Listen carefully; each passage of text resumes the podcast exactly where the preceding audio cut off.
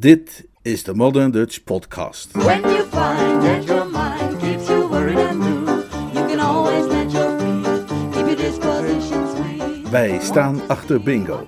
Een verhaal uit de bundel Carry On Jeeves van P.G. Woodhouse, vertaald en voorgelezen door Leonard Beuger.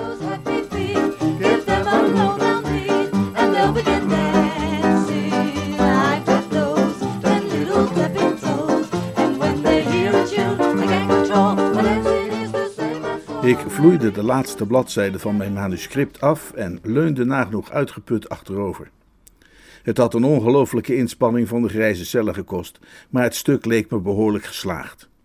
Ik zat het juist door te lezen en me af te vragen of ik niet aan het slot nog een paragraaf zou toevoegen, toen er op de deur werd geklopt en Jeeves binnenkwam.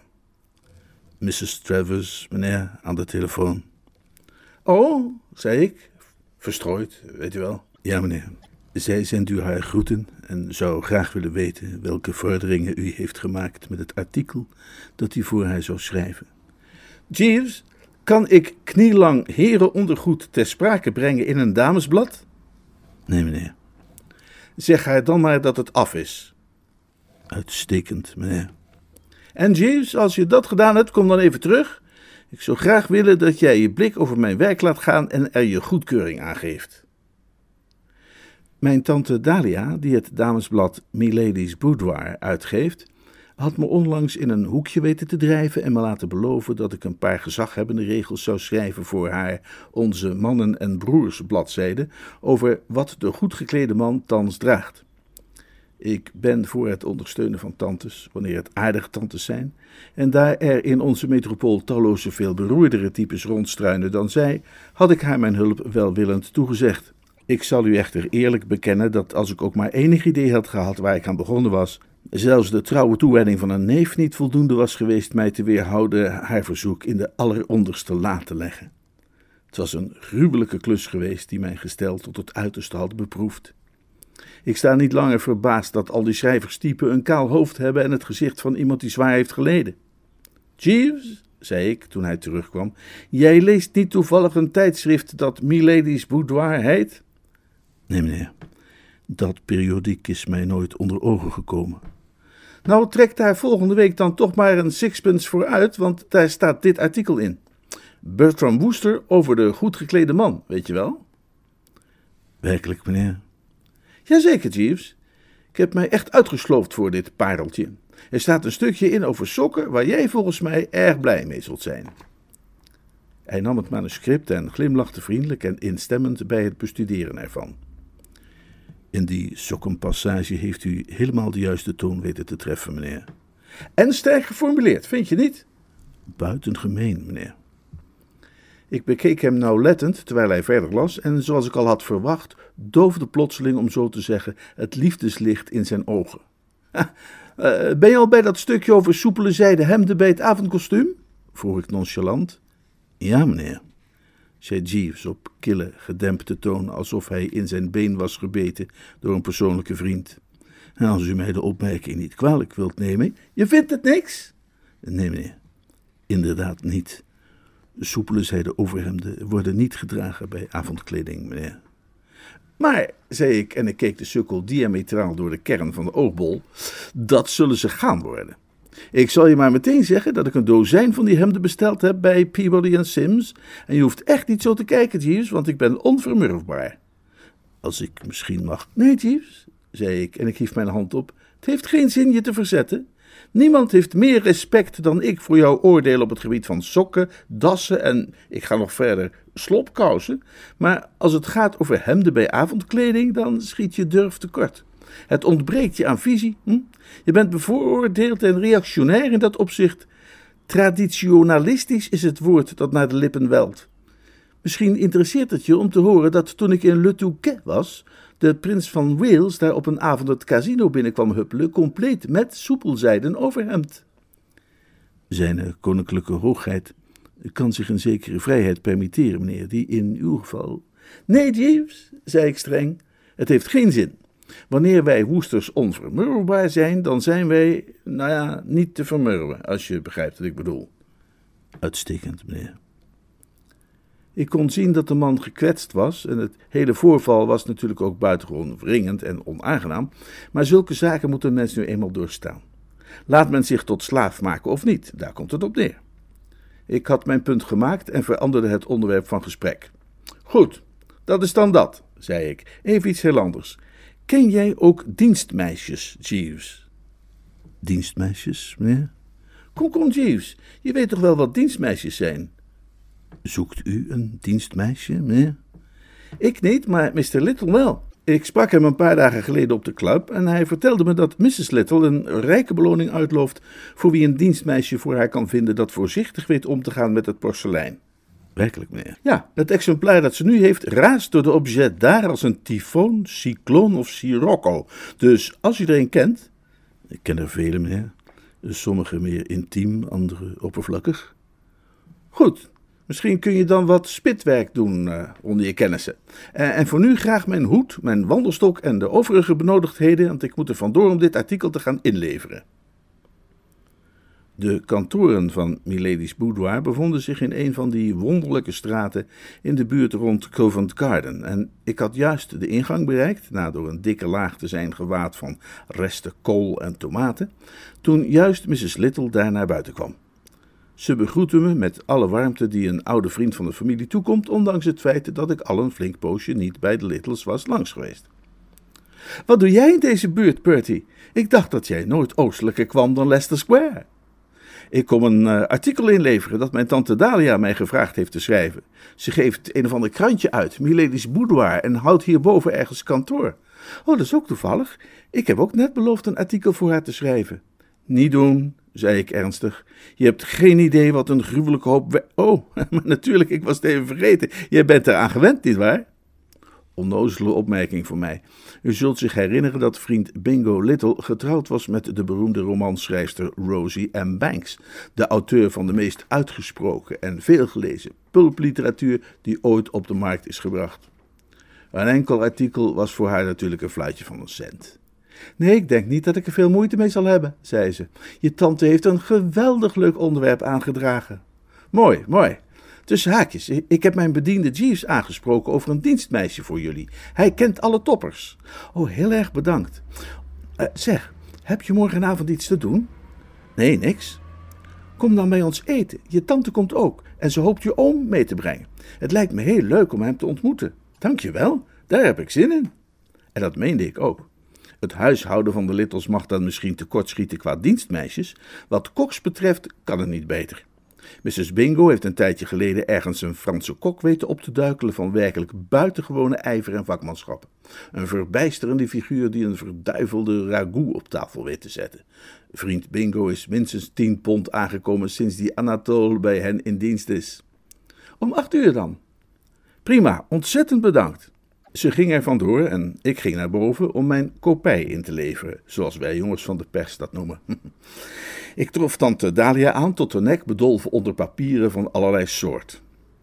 Ik ben over het algemeen gesproken niet bepaald familieziek, maar met tante Dalia heb ik altijd voortreffelijk op kunnen schieten. Zij is met oom Thomas getrouwd, tussen ons gezegd en gezwegen nogal een druiloor, in het jaar dat Blue Bottle de Cambridgeshire Handicap won. En ze waren nog niet uh, halverwege het altaar toen ik al tegen mezelf zei: Die vrouw is veel te goed voor die oude baas. Tante Dalia is een ruimdenkend, joviaal type, zoals je het in drommen tegenkomt onder het jagersvolk. Voordat ze oom Thomas trouwde, bracht ze dan ook het merendeel van haar tijd te paard door, maar hij wil niet op het platteland wonen en zodoende besteedt ze nu haar energie aan dat tijdschrift van haar. Ze ontworstelde zich gedeeltelijk aan haar paparassen toen ik binnenkwam en wierp mij een verwelkomend boek naar het hoofd. Hallo Bertie, heb je dat artikel heus afgekregen? Tot de laatste komma. Brave knul! Ik wed dat het een waardeloos stuk is geworden. Integendeel, het is een buitengewoon actueel verhaal en het heeft bovendien voor het grootste deel de goedkeuring van Jeeves gekregen. Alleen die paragraaf over soepele zijde hemden schoot hem een beetje in het verkeerde keelgat. Maar u kunt rustig van mij aannemen, tante Dalia, dat die nu helemaal trendy zijn en dat iedereen die zal dragen bij premières en andere gelegenheden waar het betere publiek zich vertoont. Die Jeeves van jou, zei tante Dalia, terwijl ze mijn artikel in een bakje smeet en een paar losse papieren op een soort vleespin spieste. Die Jeeves van jou is een hopeloos geval. Vertel hem dat maar van mij. Nou, nou, zei ik, hij mag dan misschien wat overhemden betreft. Daar heb ik het niet over. Maar een week geleden heb ik hem gevraagd een goede kok voor me te scoren en hij heeft er nog steeds geen gevonden. Grote genade, heeft Jeeves tegenwoordig een uitzendbureau of zoiets? Mrs. Little wilde dat, eh, dat hij een kamermeisje voor haar zoekt. Dat vertelde ze me net. Ik kwam haar hier voor de deur tegen. Ze zei dat ze ook iets voor u gaat doen. Ja, godzijdank. Ik reken erop dat iets van haar de verkoop een beetje zal stimuleren.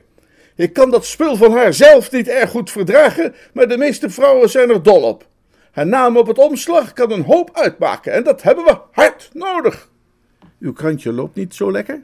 Jawel, eigenlijk, maar het kost veel tijd om een behoorlijk lezersbestand op te bouwen. Dat zal wel, ja. Op zijn meer heldere momenten kan ik Tom daar ook wel van overtuigen, zei tante Dalia. En reeg nog wat meer papieren aan het spit. Maar op dit moment kampt de arme sokkel met een pessimistische bui. Dat komt helemaal door die chemisch laborante die zich onze kokkin noemt. Nog een paar van die zogenaamde diners van haar en Tom gaat het vertikken om de rekeningen van de drukker te betalen. Dat meent u niet. En of ik het meen. Gisteravond schotelden ze ons iets voor dat ze een Riedevaux à la financière noemden. En toen heeft hij drie kwartier lang gezeurd dat het zonde van het geld was dat elke keer maar weer weg te smijten zonder dat je er iets voor terugzag. Ik begreep haar helemaal en het speet me bijzonder voor haar. Mijn oom Thomas is een figuur die een enorme hoop geld heeft verdiend in de Oost, maar dat heeft intussen wel zijn spijsvertering naar de vaantjes geholpen. En dat maakt hem weer erg lastig in de omgang. Vaak genoeg heb ik met hem geluncht waarbij hij vrolijk genoeg was tot en met de vis, maar dan toch volkomen blauw begon aan te lopen voordat we aan de kaas toe waren. Wie was die snuiter die ze me probeerde te laten lezen in Oxford? Uh, Sheep Shop uh, Schopenhauer, uh, zo heet hij. een, een zuurpruim van de ergste soort. Nou, als bij mijn oom Thomas zijn maagsappen opspelen, is Schopenhauer bij hem vergeleken een vrolijke Frans. En het ergste is nog, vanuit tante Dalia's gezichtspunt, dat hij bij die gelegenheden altijd begint te vrezen dat hij financieel aan de rand van de afgrond staat en overal op wil gaan bezuinigen. Heftig, zei ik. Nou ja, in elk geval krijgt hij morgenavond een uitstekend diner bij de Littles. Is dat iets waar jij voor kunt instaan, Bertie? vroeg tante Dalia ernstig. Ik durf hem in geen geval los te laten op iets dat ook maar een beetje twijfelachtig is. Nou, ze hebben een geweldige kok. Ik ben er nu een poosje niet geweest, maar tenzij die kok in de afgelopen twee maanden ernstig uit vorm is geraakt, krijgt oom Thomas morgen te smullen als nooit in zijn leven. Des te erger voor hem als hij daarna weer terug moet keren naar onze biefstuk verschroeister, zei tante Dalia, zelf op enigszins Schopenhaueriaanse wijze. Het nestje dat Bingo en zijn bruid zich hadden gebouwd was in St. John's Wood, een van die heel aardige huizen daar met een tuintje eromheen. Toen ik daar de volgende avond aankwam, bleek ik de laatste te zijn die kwam opdagen. Tante Dalia zat in een hoekje met Rosie te praten, terwijl oom Thomas met Bingo bij de schoorsteen stond en fronsend zijn cocktail dronk op een achterdochtige manier. Ongeveer zoals iemand die een aperitief drinkt alvorens aan tafel te gaan met de Borgia's. Alsof hij bij zichzelf dacht dat zelfs als deze cocktail niet vergiftigd was, hij dan toch dadelijk wel de klos zou zijn. Nu had ik van oom Thomas toch al geen stralend joie de vivre verwacht, dus ik lette niet speciaal op hem. Wat mij wel verraste was de buitengewoon sombere stemming van vriend Bingo. Je kunt van Bingo zeggen wat je wilt, maar niemand heeft hem ooit een deprimerende gastheer kunnen noemen. Sterker nog, in zijn vrijgezellenjaren heb ik vaak meegemaakt dat hij al met brood begon te gooien voordat de soep was opgediend. Toch vormde hij nu een even beeld van oom Thomas. Hij zag er gekweld en afgetopt uit, als een Borgia die zich plotseling heeft gerealiseerd dat hij vergeten is cyanide bij de consommé te gieten, terwijl de gong voor het diner elk moment kan klinken. Het mysterie werd er niet geringer op door de korte opmerking die hij tegen mij maakte voordat het gesprek algemeen werd. Terwijl hij mij een cocktail inschonk, boog hij plotseling naar me voorover. Bertie, fluisterde hij op een nare, koortsachtige manier, ik moet je spreken. Kwestie van leven en dood. Kom morgenochtend bij je langs. Dat was alles.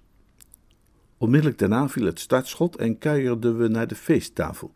En vanaf dat moment, moet ik zeggen, raakte hij volkomen uit mijn gedachten doordat er belangrijker dingen plaatsgrepen. Die bovenste beste Anatol had namelijk, waarschijnlijk gestimuleerd door de aanwezigheid van gasten, zichzelf absoluut overtroffen. Ik ben niet iemand die gewend is zich over dit soort zaken losjes uit te drukken. Ik weeg mijn woorden. Toch durf ik te herhalen dat Anatole zichzelf had overtroffen. Het was een diner zoals ik niet eerder heb mogen proeven. En oom Thomas knapte ervan op als een plant die eindelijk water heeft gekregen. Toen we aan tafel gingen, maakte hij opmerkingen over de regering die deze niet graag zou hebben vernomen. Bij de consommé pâte d'Italie vroeg hij zichzelf hardop af wat je ook anders zou kunnen verwachten tegenwoordig. Bij de paupiette de sol à la princesse gaf hij niet onvriendelijk toe dat de regering in elk geval niet verantwoordelijk kon worden gehouden voor het beroerde weer dat we hadden. En direct na de Caneton Aylesbury à la broche bood hij de jongens van het kabinet praktisch zijn hartelijke ondersteuning. En al die tijd bleef Bingo kijken als een uil met een stil verdriet. Vreemd. Tijdens de wandeling naar huis dacht ik er stevig over na. Ik hoopte maar dat hij niet al te vroeg in de ochtend langs zou komen met zijn ongetwijfeld droevige verhaal. Hij had eruit gezien als iemand die van plan was om rond half zeven binnen te komen stormen. Jeeves was nog op toen ik thuis kwam. Een aangenaam diner, meneer? vroeg hij. Fantastisch, Jeeves. Ben blij het te horen, meneer. Mr. George Travers belde op kort nadat u was vertrokken. Hij verlangde dringend dat u zich bij hem zou voegen in Harrogate, meneer. Hij vertrekt morgen met een vroege trein daarheen. Mijn oom George is een feestelijke oude rakker die al jarenlang veel te goed voor zichzelf zorgt, met als resultaat dat hij voortdurend de heilzame waters van Harrogate of Buxton boven zijn hoofd heeft hangen als het zwaard van, uh, hoe heet hij? En hij vindt het vreselijk om daar alleen heen te gaan. Dat uh, gaat niet lukken, zei ik. Oom George is al erg genoeg hier in Londen en ik was echt niet van plan mij met hem te laten opsluiten in zo'n kuuroord. Zijn verzoek was uiterst dringend, meneer. Nee, James, zei ik volhardend. Ik doe altijd graag iemand een plezier, maar oom George, nee, nee. Ik wil maar zeggen, nou ja. Uitstekend, meneer, zei Jeeves. Het was een genoegen om te horen op welke toon hij dat zei. Gedwee, zou je het kunnen noemen, dociel. Dat toonde maar weer eens aan hoezeer ik gelijk had gehad door mijn voet dwars te zetten met betrekking tot die overhemden. Toen Bingo de volgende ochtend kwam opdagen, had ik mijn ontbijt al gehad en zat ik klaar voor hem. Jeeves verleende hem toegang tot mijn chambre à coucher en hij ging op de rand van mijn bed zitten. Goedemorgen, Bertie, zei vriend Bingo. Goedemorgen, beste kerel, antwoordde ik beleefd. Niet uh, weglopen, Jeeves, zei vriend Bingo met holle stem. Blijf hier. Nee, ga niet weg. Wacht hier. Niet, niet vertrekken, ik heb je nog nodig. Uitstekend, meneer. Bingo stak een sigaret op en staarde somber naar het behang. Bertie, zei hij, er is, er is een gruwelijke ramp gebeurd. Als, als, als er niets aan gedaan wordt en, en nog een beetje snel ook, is mijn reputatie naar de haaien. Mijn zelfrespect verloren en mijn naam een lachertje geworden. Ik zal nooit meer mijn gezicht durven laten zien in het West End van Londen. Hallo, zeg je tante, probeerde ik zijn vrees nog wat te relativeren. Nee, de jouwe, zei vriend Bingo met een holle lach. Verder vat je het keurig samen. De hele kwestie valt te verwijten aan jouw verdomde tante. Welke verdomde tante? Wees eens wat specifieker, beste kerel. Ik heb er zoveel van. Mrs. Travers, die dat vervloekte blad uitgeeft. Oh, maar nee, bliksem zegt beste knul, protesteerde ik. Dat is nu juist de enige fatsoenlijke tante die ik heb. Jeeves, ben jij dat met me eens? Die indruk heb ik ook altijd gehad, uh, moet ik bekennen, meneer. Nou, zet dat idee dan maar uh, uit je hoofd, zei vriend Bingo. Dat mens is een, is een gevaar voor de samenleving. De pest voor alle huiselijk geluk, een ware plaag. Weet je wat ze gedaan heeft? Ze heeft Rosie gevraagd een artikel te schrijven voor dat verdomde krantje van haar. Dat weet ik. Ja, maar je weet niet waarover. Nee, nee, ze heeft me alleen gezegd dat tante Dalia een geweldig onderwerp heeft aangedragen voor dat stuk. Ja, het gaat over mij. Over jou? Ja, over mij. Mij. En weet je hoe dat stuk heet? Het heet Hoe behoud ik de liefde van mijn mannetje pannetje? Mijn wat? Mijn mannetje pannetje. Wat is dat, een mannetje pannetje? Ja, dat ben ik dus kennelijk, zei vriend Bingo met grote bitterheid in zijn stem. En volgens dat artikel ben ik nog een heleboel dingen meer die ik te beschaafd ben om hier te herhalen, zelfs tegenover een oude vriend.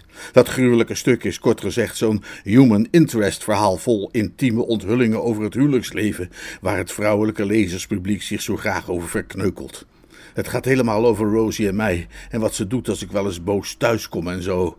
Ik wil je wel zeggen, Bertie, dat ik nog steeds van top tot teen bloos als ik denk aan iets wat ze zegt in de tweede alinea. Wat zegt ze dan in de tweede alinea? Ja, dat weiger ik te vertellen. Maar neem er voor mij aan dat het echt over de schreef gaat. Niemand houdt meer van Rosie dan ik, maar hoe braaf en verstandig ze ook is in het gewone leven. Zodra ze achter een dicteermachine gaat zitten, raakt ze compleet geschrift. Bertie, dat artikel mag niet verschijnen. Maar, maar, als dat wel gebeurt, kan ik niet meer op mijn clubs verschijnen. Dat, dan moet ik mijn baard laten staan en, en kluizenaar worden. Ik zal me met geen mogelijkheid meer kunnen vertonen. Overdrijf je nu niet een heel klein beetje, beste jongen? vroeg ik. Jeeves, denk je ook niet dat hij eh, wel een beetje overdrijft? Tja, meneer. Ik druk me juist heel gematigd uit, zei vriend Bingo ernstig. Je hebt dat verhaal nog niet gehoord, ik wel. Gisteravond voor het diner heeft Rosie haar dictaat zitten terugluisteren op dat apparaat. En het was afgrijselijk om die machine al die verschrikkelijke zinnen te horen uitkramen. Als dat artikel verschijnt, zal ik dood worden gepest door alle mensen die ik ken. Bertie, zei hij, waarbij hij zijn stem liet dalen tot een schor gefluister. Jij, jij hebt niet meer fantasie dan een vrattenzwijn. Maar zelfs jij zult je kunnen voorstellen wat Jimmy Bowles en Tuppy Rogers zullen gaan zeggen, wanneer zij mij daar zwart op wit beschreven zien als half god, half brabbelend, ondeugend kind. Dat kon ik mij inderdaad levendig voorstellen. Maar, maar dat zegt ze toch zeker niet echt? stamelde ik verbijsterd. Ja, dat doet ze toch zeker wel. En als ik jou daarbij vertel dat ik dat speciale citaat heb uitgekozen omdat het het enige is dat ik nog een beetje kan horen zonder over mijn nek te gaan, besef je misschien hoe erg het is. Ik plukte wat aan mijn beddensprei. Ik was sinds jaar en dag met Bingo bevriend en wij woesters laten onze vrienden niet in de steek. Jeeves, zei ik, heb je dat gehoord? Ja, meneer. Dit is een hachelijke situatie. Ja, meneer. Wij moeten ons rond vriend Bingo opstellen. Ja, meneer. Heb jij misschien een goed idee in deze? Ja, meneer. Wat? Dat meen je toch niet? Ja, meneer. Bingo, zei ik. Het zonnetje schijnt nog steeds. Jeeves heeft een goed idee. Jeeves, zei vriend Bingo met trillende stem, als jij mij door deze crisis heen weet te helpen, kun je me vragen wat je wilt, al was het mijn halve koninkrijk. Deze kwestie, zei Jeeves, sluit op gunstige wijze aan bij een andere opdracht die mij hedenmorgen werd toevertrouwd. Wat bedoel je? Vlak voordat ik u vanmorgen uw thee bracht, meneer, werd ik gebeld door Mrs. Travers, die mij met de grootste klem vroeg te trachten Mr. Little's kok over te halen, Mr. Little's dienst te verlaten en toe te treden tot haar eigen huishoudelijke staf. Het blijkt dat Mr. Travers diep onder de indruk is geraakt van Smans culinaire vermogens en tot diep in de nacht over diens verbazingwekkende talenten heeft gesproken. Vriend Bingo uitte een gepijnigde kreet. Wat? Probeert die, die, die uitzuiger onze kok in te pikken? Ja, meneer. Nadat ze verdorie ons brood en ons zout heeft gegeten? Ik vrees, meneer, dat waar het om koks gaat, dames slechts beschikken over een rudimentair gevoel voor moraliteit. Heel even wachten, Bingo, zei ik, want hij scheen op het punt te staan een complete redenvoering te gaan afsteken. Hoe sluit dit precies op gunstige wijze aan bij die andere aangelegenheid, Jeeves? Wel, meneer, naar mijn ervaring zal geen enkele dame het een andere dame kunnen vergeven, wanneer zij een werkelijk goede kok van haar weglokt. Ik ben ervan overtuigd dat wanneer het mij lukt de opdracht die Mrs. Travers mij heeft gegeven te vervullen, dat aanleiding zal zijn voor een onmiddellijke verbreking van de hartelijke relatie tussen de beide dames.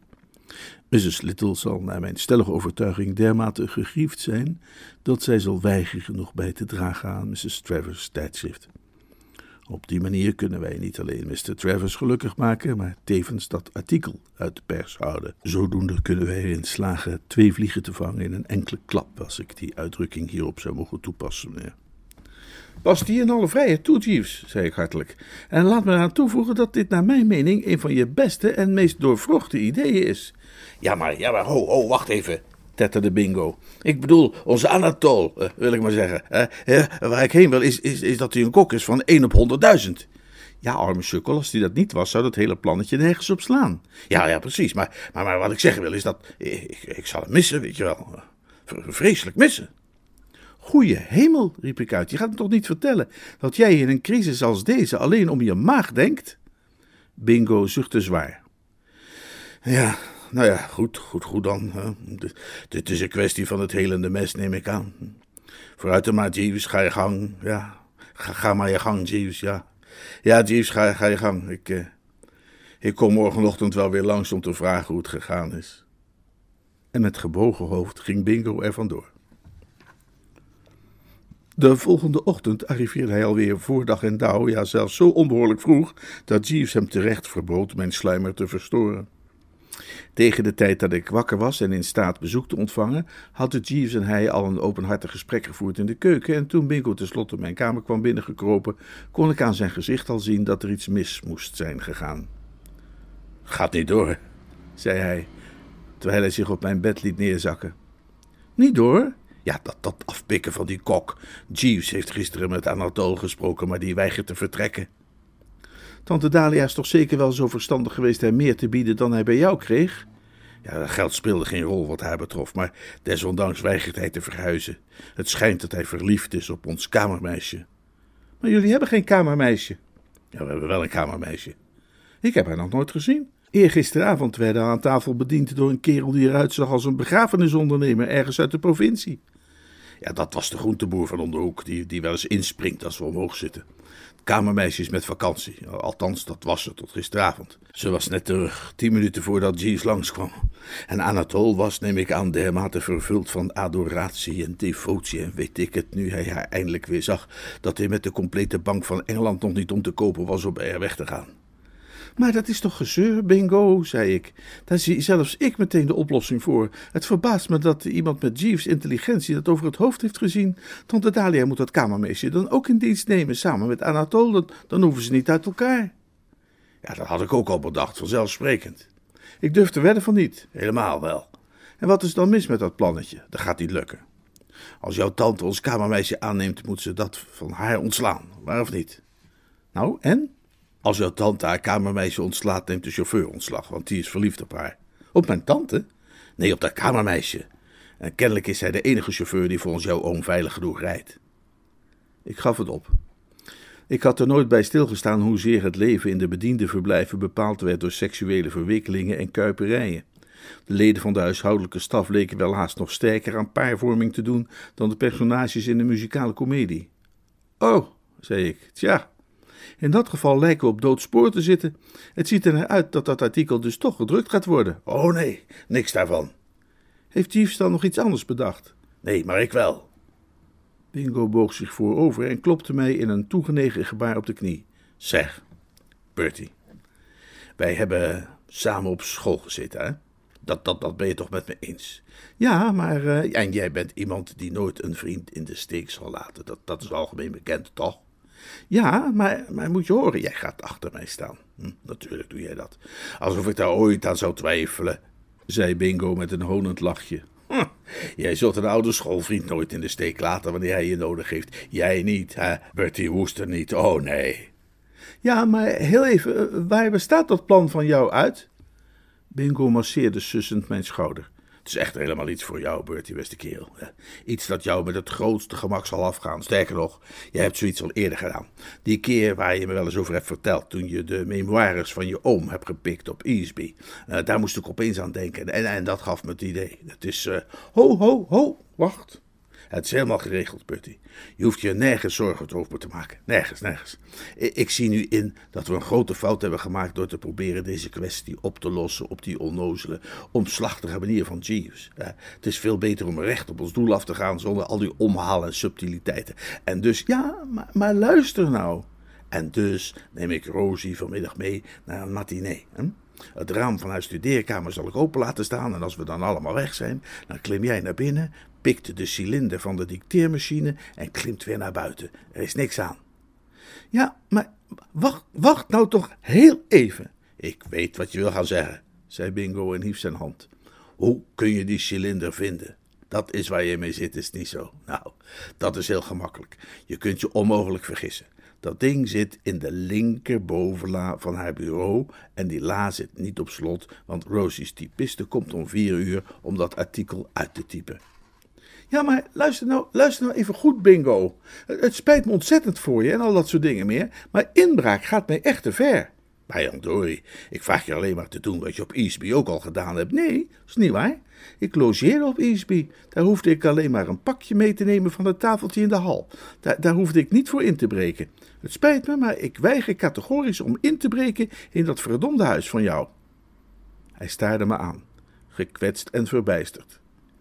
Is het Bertie Woester die ik hier hoor spreken? Ja, die is het. Maar Bertie, je hebt bij mij op school gezeten. Dat, dat, dat heb je zelf net toegegeven. Ja, dat kan me niet schelen. Op school, Bertie, hè? Onze, onze oude, trouwe school. Ja, dat kan me niet schelen. Ik weiger om... Bertie. Ik ga absoluut niet... Bertie. Nee, Bertie. Nou, oké. Goed dan. Zo, zei vriend Bingo en klopte hem op de schouder. Zo ken ik je weer. Daar hoor ik de ware Bertram Wooster.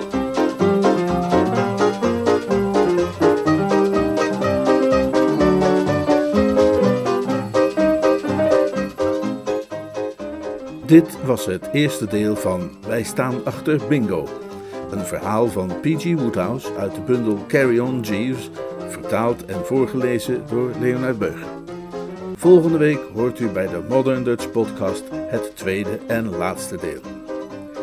Deze nieuwe, eigentijdse vertalingen van de romans en verhalen van Woodhouse worden sinds enkele jaren uitgegeven door uitgeverij IJzer in Utrecht.